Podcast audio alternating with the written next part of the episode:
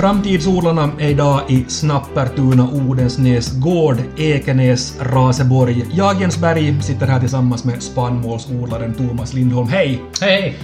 Var är vi? Ja, jag brukar säga så här skämtsamt att, att jag brukar säga att jag kommer från, från Ekenäs och min, min far brukar säga att han är från Snappertuna. Jag tror att mina barn kommer säga att de är från Raseborg. Så att man får riktigt välja. Hur det känns bäst. Då, då säger vi kanske Odensnäs Gård. Jag börjar som vanligt med den här filosofiska frågan. När jag säger korn till dig, Thomas, vad, vad tänker du? Vilka, vilka känslor, vad, vad, är det första som, som kommer upp i huvudet? No, korn kanske är ett serieslag som, som frågar du så här, som man säger Matti Meikäläinen på gatan, att, att räkna upp någon, några spannmålslag så, så tror jag att korn kommer ganska snabbt. Sen korn är kanske för mig personligen så har korn blivit så här att, att, att, att det är ju en bra gröda på många sätt och vis men sen har det blivit ett, kanske ett så här nödvändigt ont med tanke på att, att vi har så här regionalt så har vi lite problem med, med, med vilt och sånt och, och, och korn har, ska vi säga, visat sig passa liksom bättre med tanke på den viltstam vi har här liksom så att man kan se på det från många olika synvinklar. Mm, men hur ser, hur ser helheten din ut här? Vad, vad allt odlar du på? på No, helheten är, är, är som så att jag, man försöker vara så mångsidig liksom inom som spannmålsodlare att jag försöker odla så, så många grödor som, som möjligt och ibland kan det bli lite jobbigt men vi odlar liksom både höstgrödor som är i form utav höstråg och höstvete. Vi har också odlat höstraps. Inte nu för tillfället. Sen, sen det som vi såg på våren så är ärtor, havre, korn och, och vår, vårvete. Mm. Men, men korn har blivit, blivit viktigare för dig för vitsvanshjortarna så käkar upp havet. Ja, det, det, det, är ett stort problem och jag måste säga att jag har åkrarna på, jag har ganska mycket arrendejordar och, och de är lite utspridda så att men jag måste faktiskt när jag gör min, upp min odlingsplan så kan jag, så måste jag ta, ta i beaktande att vad har vi de här största problematiken med vitsvanshjorten och det, det kräver lite planering. Och, och, och, men nu sista åren så tycker jag att den här problematiken med vitsvanshjorten har, har, har man, man har börjat liksom man har börjat lyssna på oss jordbrukare och jag tror att delvis är det då att, att många, många, många icke-jordbrukare ska vi säga har stora problem med vitsvanshjorten, allt från trädgårdar alltså. Och, och sen är ju en sån här sak också att nu, nu sker det ju en stor del krockar också. Jag kan, jag kan bara intyga att när jag kom, när jag kom körande hit till, till dig så tror jag att jag såg sju eller åtta, bland annat två stycken som sprang här före bilen bara och tittade på mig. I det närmaste helt tama var de. Men, äh, men de tycker inte om korn. Alltså, de käkar inte... Ska vi säga, när, när korna gått till ax så är den här borsten och jag vet inte om det, om det faktiskt är att det, det kittlar lite när de ska äta sen. Så Ja. då, då söker de sig till, till andra grödor sen liksom att, att vad heter det? Ska vi säga, de gör mi, minst skada, åtminstone åt mig har de gjort minst skada på korna ja. Så. Yes. Men det finns, vet jag, två olika huvudsakliga kategorier av, av korn. Jag stannar lite vid korn här för jag är inte fascinerad av det. Maltkorn och foderkorn, visst Yes, är det så? Yes. Va, vad är skillnaderna? Maltkornen så får ju då liksom, när, när, du ska, när du ska dricka din, din öl på terrassen så då vet du att då behöver du ju maltkorn till det då liksom och det, det, det kräver... Den, den ska hålla en viss sorts kvalitet, det gäller sorteringen på kornet, det ska vara kärnstorleken, det ska vara, det ska vara proteinhalten, det ska ha bra grobarhet och sånt. Misslyckas man med det här som jag försöker nu odla liksom en några tiotals hektar till, till maltkorn. Misslyckas jag med det så, så, så duger det ju oftast till foderkorn. Liksom, helt enkelt. Och, och, och, och nu behövs det mycket foder i, i det här landet också. Liksom, så att Prisnivån tycker man ju liksom att om man jämför dem så är den ju ganska i förhållandevis liten sen egentligen med tanke på liksom att om du, om du gör stora insatser och, och, och kämpar, kämpar hårt under växtodlingssäsongen för att få det, få, få det till maltkornskvaliteten och sen när du lyckas så tycker du att, nåja, att, att skillnaden kunde ju ha varit större. Eh, Men hur, hur vet, du, vet, du, vet du själv att nu blev det här maltkorn? Nå, det är ju klart att du kan göra vissa mätningar och du, du kan söka med noggrant, du kan ha Eh, ända från dag ett så kan du men att, att nog nå det är ganska omöjligtvis att säga. Du kan ju ändå på målrakan kan du, kan du falla att om det, om det är regnigt under skördarna till exempel så kan du få rödmögel i, i maltkornet och, och, och sen visar analysen att nu har du för mycket rör, rödmögelskärnor då liksom i, i, i analysen och, och då är loppet kört liksom så att Ja. Men prisnivån så är inte, inte på det sättet att, att lyckas du få det till maltkorns kvalitet så är det guld och gröna skogar för dig och är det, är det foder, foderkorn så, så är det på tok. Nej, nu skulle jag ju säga att, att största... Det är ju ingen skillnad vad du odlar, så nu är det ju det att, att ur både miljösynpunkt och, och, och för min egen del, så nu är det ju liksom mängden, mängden som jag lyckas få löst från, från, från åkrarna och nu det ju- nu är det ju där som min lönsamhet och, och, och, och ska vi säga miljön tackar där. Alltså. Exakt. Men hur ser efterfrågan på, på kon ut nu? Återstår ju att se. Jag försöker ju liksom... Jag försöker ju sprida riskerna liksom om man, om man ser det så här helt ekonomiskt och jag band ju, band ju liksom... Jag låste, lå, låste liksom en viss mängd till ett visst pris redan förra... När vi tröskade i fjol så då, så då, då band jag en viss mängd liksom. Helt enkelt att om det... Om, till ett maltkornspris då misslyckas det så, så har jag priset också låst för foderkorn helt enkelt. Så att jag har ju, jag har ju min avsättning tryggad så att säga. Nu, nu i de här coronatiderna som vi lever i så, så återstår ju att se att vi vet ju alla att, att terrasserna och restaurangerna varit stängda liksom och man har kunnat läsa artiklar att i Frankrike så har du, så har du helt, helt, helt ute öl för det har inte funnits helt enkelt efterfrågan på det. Så det återstår att, återstår att se. Jag, jag är nog fel, fel, fel man att svara på den frågan. Jag tänker att hur efterfrågan ser ut liksom. Jag tror att du är bättre nog att svara på den frågan än, än jag. Men hur, hur mycket sådär ungefär går på export av det du producerar? Av det som jag producerar. Eh, maltkornskontraktet som är gjort så det vet jag att det, det, det, det, det far till en exporthamn. Om, det, om, det, om det håller maltkornskvalitet så då far det till en exporthamn liksom. Så att, så att svaret på din fråga att, att det maltkorn jag producerar så det får allt på export. Och, och så blir det öl och whisky. Yes. Och kommer tillbaka hit till, till Jensberg för att dricka sin bastu. Vi har ju också, det, det, det finns ju också en industri för, för maltkornsprodukter uppe i Lahtis liksom. Så att, så att, men att ska vi säga, vi har inte avsättning för all, all vara i Finland, det har vi nog inte. Det, så att. Nej. Men det snackas ju mycket nu också om, om, om korn, att, att det är många finländare som, som övergår från, från ris till att börja använda korn vet du, i olika risottoaktiga saker och tillsammans med, med höna och så vidare. Märker du av någonting sånt här, att, att finländarna äter, äter mera korn istället för, för ris? Ska vi säga, i min umgängeskrets så ska jag säga att det, det, jag, har nog, jag har nog inte märkt av det liksom. Så, så ärlig måste jag vara. Liksom. Ja. Det- Men, det, men det märker man liksom att, att dagens människor är ju nog faktiskt ifrågasätter vad det läggs på tallriken och, och, och så här och, och finns det ju liksom lokala inhemska alternativ istället för, för ris så är det, ju, är det ju bara positivt men inte, inte ska vi säga, kommer vara me- mera diskussion om det ska vi säga. I framtidsodlarna idag träffar jag alltså Thomas Lindholm. Vi sitter här i Snappertuna, Ekenäs, Raseborg och vi har talat om kornet som har blivit en viktigare del av produktionen här. Och för att skörden ska lyckas så är det ju A och O att jorden är bra, den som du brukar. Jag vet inte hur du känner igen dig Thomas i den här beskrivningen, men många har sagt till, till mig att du är en verklig expert på att känna din jord och att kunna bearbeta markerna på ett, på ett optimalt sätt. Känner du igen dig i den här beskrivningen eller blir du bara generad? Ja, man blir ju alltid komplimanger, det tycker vem som helst om. Men du sa ju din jord och jag, jag skulle säga liksom att alla alla som jobbar som jordbrukare oberoende av inriktning så, så vi är ju alla experter. Att ska vi säga att skulle jag, skulle jag få på granngården och odla deras åkrar ett, ett, så skulle jag vara ganska nybörjare för att jag känner ju mina jordar och mina, mina förutsättningar bäst liksom. Och det, det är ju det här som, som jag ju tror att vi, vi jordbrukare vill lyfta fram i debatten också. Att, att vi vet ju bäst hur våra odlingsmarker, hur de mår, vad som behövs göras, vad som är klimatsmartast, du kan, komma, du kan tackla det här på, många olika vis. Så jo, jag tror att vi, vi är liksom alla experter. Och det är ju klart att vi blir aldrig fullärda, vi, vi, vi ska hela tiden bli bättre på vad vi gör. Men, men jo, vi är alla experter på, på, på våra egna marker. Det, det, det kan jag nog helt skriva under.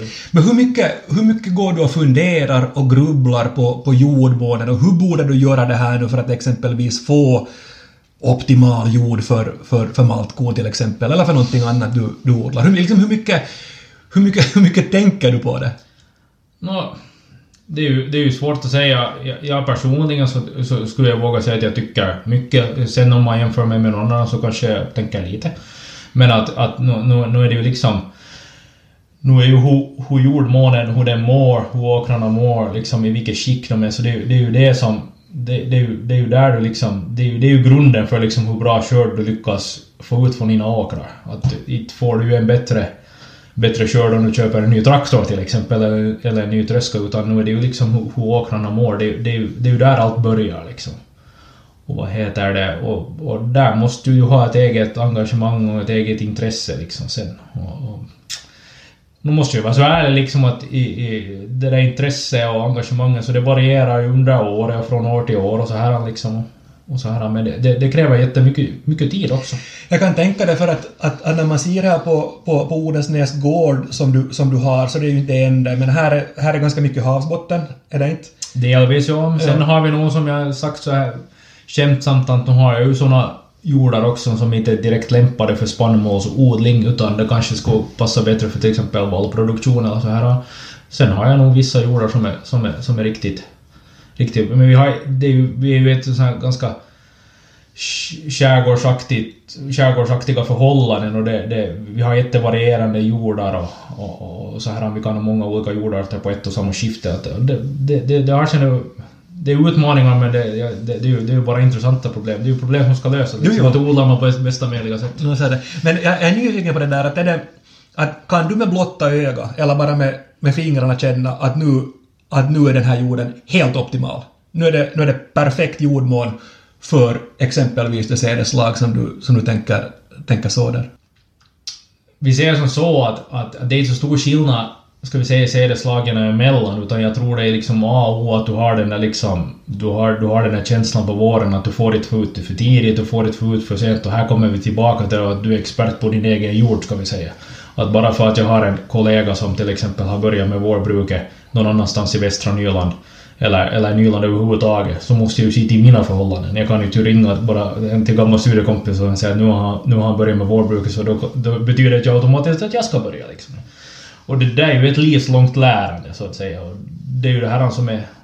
Som, du blir aldrig fullärd och, och här är ju liksom...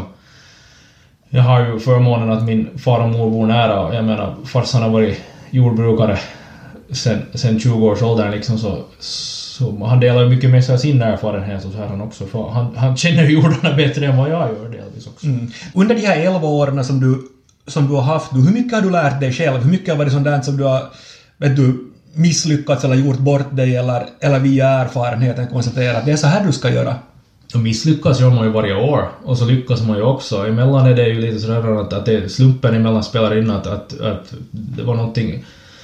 Som när växtodlingsåret nu 2020 till exempel så, så, så man, man börjar följa med väderleksprognosen att, att nu ska vi nu ska vi ha fart på att nu kommer det att regna, att vi vill allt sått före det där regnet. Att då, då, får det, då får det perfekta förhållanden starta. Men det ledde till det att det kom jättemycket regn och det blev jättekallt.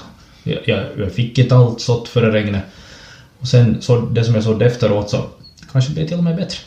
Så att, och där konstaterar man igen liksom att, lite som, som tidigare som att, att, att odla många olika grödor, så det där om att, att det blev ju allt, fast jag inte valde det själv, det blev ofrivilligt, så, så, så man, man står ju på flera olika ben, man spred riskerna på olika vis. Hur, hur ofta analyserar du jorden? Det vill säga du för, för den till något laboratorieförhållande och sånt för att, för att kolla, kolla hur den är? Nå, vi är ju skyldiga enligt alla bestämmelser att göra det vart 50 år. Sen ni vet ju till exempel att när man har fått något nytt arrende och man har gjort till exempel grundförbättringar som du kalkar upp jorden eller någonting, så då till exempel när jag kalkar och så, så då kanske redan efter två år så gör jag en ny analys och ser att, att, att hur bra har, har den här kalkningen haft effekt på jorden. Jag tänker liksom att, men att, att fem år, vart femte år så på allt, men, men sen, sen går man in på vissa, på vissa skiften och, och, och kanske gör lite mer noggranna analyser sen. Liksom. Men hur, varifrån får du kunskapen? Jag menar, hur mycket, hur mycket följer du med? Hur mycket vet du, läser du forskningsrön? Hur mycket diskuterar du, som du var inne på tidigare, med, med kollegor? Och, och, och, du, och du har fars, farsgubben och morsan, morsan här också från, som, som har jobbat med det här tidigare. Men, men hur, får du, hur får du all din kunskap? Nå, ska vi säga, det finns ju, det finns ju rådgivningsorganisationer, det är ju en sak. Det, det, det, det är ju det här liksom som du kanske får det senaste. Sen har vi ju... Där är ju liksom, om man ser från tidigare generationer, så jag menar, vi har, det är ju bara att du öppnar, datorn och tar fram din telefon så kan du ju faktiskt googla dig fram till mycket intressant. Där måste man ju bara ha ett kritiskt öga. Vilken information tar man del av liksom? Men att, att ska vi säga det, det finns ju nog information som det räcker och blir över åt alla. Men sen är det ju nog att utbyta liksom erfarenheter och, och, och sånt med andra odlare och sånt så det är ju nog jätteviktigt att det ordnas ju till exempel fältvandringar och sånt hos vissa jordbrukare och det är ju nog nyttigt att man får, får byta tankar med andra. Mm. Och nu vet jag att nu många av de timmarna som när man sitter i traktorn så en stor del går ju åt att prata med kollegor. Att hur har du gjort i år? Vad har du lyckats med? Att hur ser läget ut för dig? Och så här. Och så kanske man provar på något nytt tack vare de här diskussionerna. Liksom, så att. Under odlingsperioden, så hur mycket, hur mycket går du omkring och tittar hur, hur åkrarna mår? Och hur, hur det växer, hur, hur jorden är? Hur mycket, hur mycket tid går åt till att bara köra runt och gå och titta på, på dina små bebisar som finns här? man borde ju, man borde ju nästan, man borde ju, jag försöker ju nog föra nog lite, lite, eh, ha lite uppföljning på vart min arbetstid far, men att, att inte är det så noggrant. Alltså varje dag så, så i, i jag ju liksom besöka varje fält och var, varenda, varenda hektar varje dag. Det är ju omöjligtvis för, för då skulle inte man hinna med någonting annat liksom. Men då besöker ju någon åker varje, varje dag och så här. Och sen det är ju beroende på hurdana grödor man odlar till exempel. Så att nu var det mycket tid nu, men det är ju A och O liksom. Mm. Nå, vad har, du, vad har du mest problem med? Att det är för vått, eller att det är för torrt, eller att det är fel surhetsgrad på, på jorden? Vad är, vad är det vanligaste som du har problem med? är det ju... Det är ju nog liksom känt att i den här regionen som vi nu befinner oss så är det ju försommartorkan är ju den största problematiken. Jag, jag försöker liksom tackla problematiken på det viset att jag, jag, jag sår så mycket som möjligt på hösten, alltså höstråg och höstvete till exempel. Höstraps så skulle vi odla mera, men då har vi den här problematiken med vitsångshjorten liksom att det är liksom... De, de, de tycker om det lika mycket som jag, den växten. Hur är det, Thomas, med, med täckdikning? Hur, hur viktigt är det för, för dig att täckdika? För mig är det jätteviktigt. Jag tycker att det är bland de roligaste arbetsmomenten. Varför att det? Att, no, ska vi säga att, att um, du kanske, du kanske ser att en åker att, att, att du kommer sent ut på våren för att, för att den torkar inte upp så snabbt den borde. Under växtodlingssäsongen så kan det regna mycket på den åkern och, och då får du vissa skador och vattnet blir att stå och sånt. Sen när du slipper liksom och gör den här grundförbättringen i form av täckdikningen och sen när du slipper att så den följande gång och, och tröska den så då får du nog faktiskt förutom den ekonomiska nyttan du får så du får ju nog ett sånt där välbehag som kanske är ganska svårt att beskriva liksom. Sen. Jag försöker, försök beskriva det, för att jag, alltså jag, jag kan ju föreställa mig att det, att det krävs hemskt mycket tankearbete. Mm. Att hur, hur ska du fixa det här på ett optimalt sätt? Mm. Så, att du får, så att du får täckdikningen perfekt för just det, det förhållandet. Men, men hur är filisen när du märker att, att, att nu tusan lyckades det här? Alltså det, det är ju nog liksom största liksom största... Den, be, den bästa känslan är ju det att när du, när du har lyckats med en täckdikning så då vet du att du har jättemånga år framme så, så du vet att nu behöver jag inte fundera på den här täckdikningen. Att nu kan jag fundera då på att, att måste vi måste vi kalka det lite mer eller så. Men du vet att liksom allting startar ju från en bra täckdikning. Det är ju där som A och O. Det här tycker jag att lyfts jättelite fram i den här liksom debatten att hur klimatsmart jordbruket skulle vara. Så vi, vi snackar strukturkalk, vi snackar gips på åkrarna. Det här är jättebra saker det också. Men jag tycker ändå att liksom det blir lite sådär åsidosatt den här täckdikningen. Att det är ju ingen vits om du, om du strukturkalkar och lägger gips om inte du har täckdikning i skick. Det är ju liksom ingen vits att du, du, må, du om du jämför det med ett hus så är det ingen vits att du, du målar, målar husväggen om, om taket läcker in. Nej, det, det är sant. Men hur mycket... Eller har det blivit svårare att få, att få lov att täckdika? Inte nej, täckdikningen. Det som ju har varit en problematik i vissa regioner, vi har inte sådana bekymmer med till exempel det har varit problem att på andra platser att rensa vissa bäckar och år och sånt där så har ju varit problematiken att få lov på sånt. Jag har inte odlingsmarkerna via något sånt så, så, så jag, men jag har förstått att vi, vissa, det kan ta år liksom och, och då är det ju, tycker jag, lite knepigt att att åkrarna kan lida av översvämningar och sånt för att en bäck inte får rensas upp så, så det är ju liksom ur miljösynpunkt så är det ju alls bra. Nej, ni, ni får ju mycket, mycket kritik, eh, ni jordbrukare nu, för näringsläckagerna. Utsläppen av kväve och fosfor då framför allt. Hur, hur reagerar du på det här? Ska vi säga, hur, hur åtgärdar du det? Nå, återigen, alltså grunden till att ha så lite läckage som, läckage som möjligt så är ju att ha, ha åkrarna så bra skick som möjligt. De ska vara bra dränerade, de ska vara bra kalkade och då får vi en bra skörd och då har vi lite näringsläckage. Fallerar du på några av de här punkterna som jag just räknade upp liksom, så då får du en sämre skörd och, och, och så här.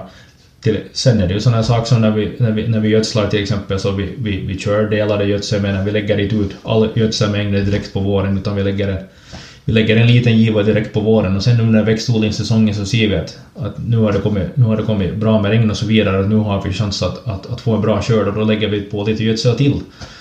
Så jag tror att där är ju nog en, en, en, en, en stor sak vi kan göra liksom att, att, att liksom använda gödselmedlen i rätt mängd vid rätt tidpunkt liksom. Här i Framtidsodlarna idag sitter jag alltså tillsammans med Thomas Lindholm. Vi har gått från korn via jorden och vi halkar lite in på miljöfrågor här. För att i offentligheten har det varit så att ni har fått ganska mycket skit om jag får använda ett sånt, sånt uttryck för att ni inte tar klimatförändringen på, på allvar. Jag, jag är nyfiken, hur, hur reagerar du på, på hela den här diskussionen? No, det är ju en sån här diskussion att det blir ju jätte... Det är lätt sådär att du ska söka upp en syndabock och sen när du hittar syndabocken så då, då är det liksom... Det, det är liksom huvudsaken. Men, men jag måste... Vi behöver ju, Vi ska ju alla äta varje dag och jag menar vi klarar ju sig ut... Inget land klarar sig utan ett, ett, ett jordbruk så att säga. Sen måste vi ändå komma ihåg att, att vi är ju de enda som vi är ju kolbindare vi. Jag har någon gång sagt så här skämtsamt när jag ska presentera mig vad jag jobbar med så brukar jag skämta och säga att jag är kolbindare liksom bara för att liksom provocera lite tillbaka liksom. Att... Varför tror du att det är ni som har blivit syndabockarna?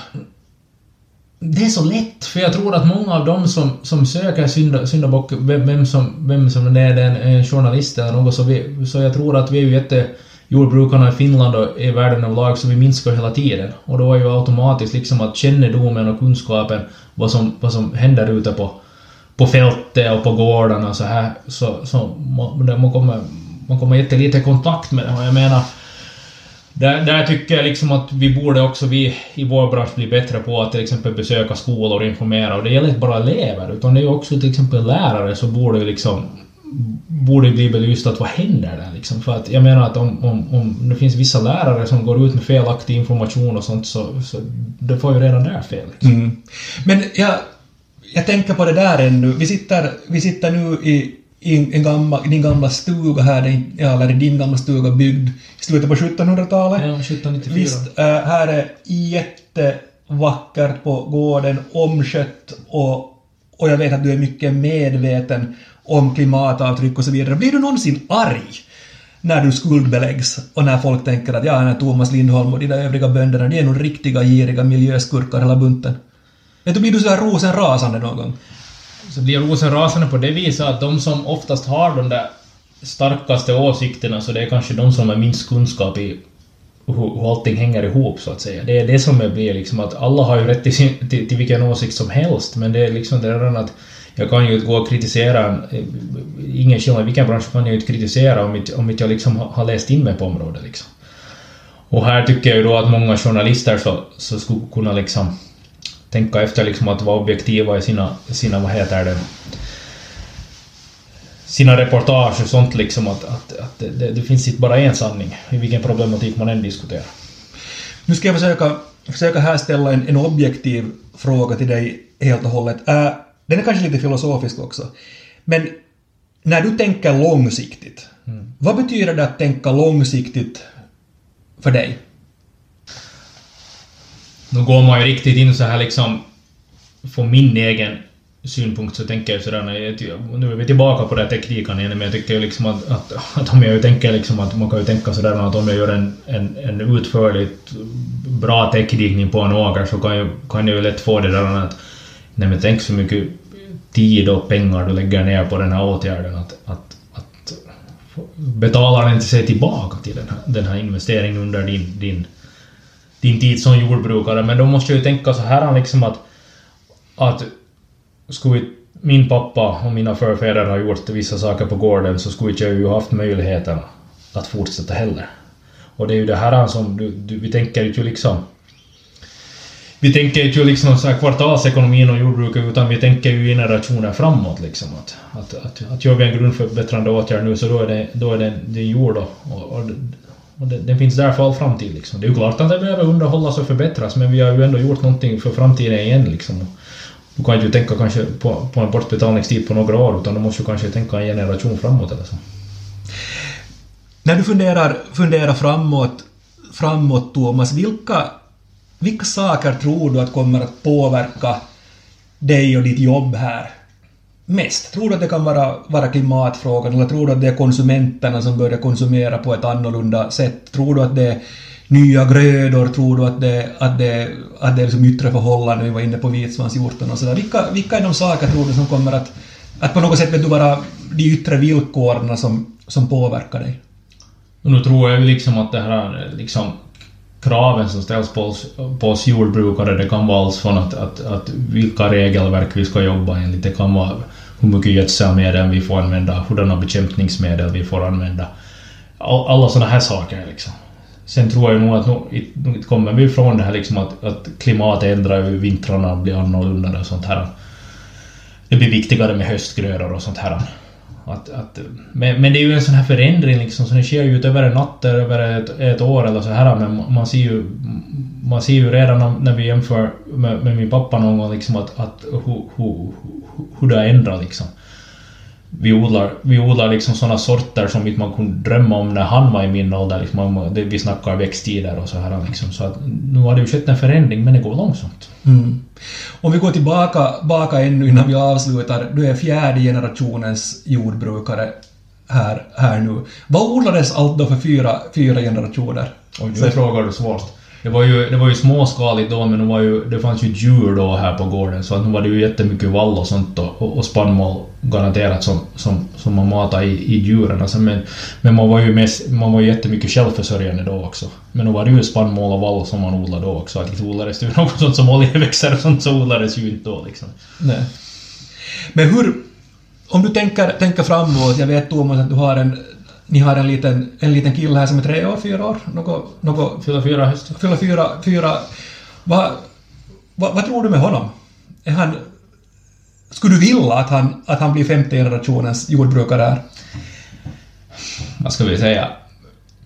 Vi säger så här att, att jag har alltid fått välja att ännu när jag liksom var myndig så, så vad heter det, så sa jag att jag kommer aldrig att bli jordbrukare. Och jag har aldrig blivit tvingad till det och kommer jag tvinga mina barn eller så här men att har de intresse så uppmuntrar jag dem till det. Och, och nu tror jag att alla tycker att det är roligt och det blir en fortsättning. Liksom. Det, det, det, tror jag att alla som har en gård så vill men men nu, nu, nu måste ju intresse och engagemanget komma från ens egna barn liksom. Och, om man är fyra år så då, då är det ganska svårt, svårt, svårt att säga ännu men att... De har kanske inte riktigt framtidskartan sådär exakt då ännu. Nej. Men, men den sista frågan jag vill, vill ställa dig, ställa dig Thomas, så är att hur, vilka är de saker du skulle vilja, vilja utveckla? När du, när du visionerar och, och vandrar omkring på, på dina åkrar och, och, och funderar, så vilka är de saker som du tänker att det här, en dag så ska jag göra det här och en dag ska jag göra göra det här än. Hur ser, hur ser visionen för, för Odensnäs gård ut för dig? Nu ser man ju på åkrarna i sig, så där finns ju, där tar ju förbättringsåtgärderna aldrig slut. Då är vi tillbaka igen, kalkning, dikning, allt, allt det här.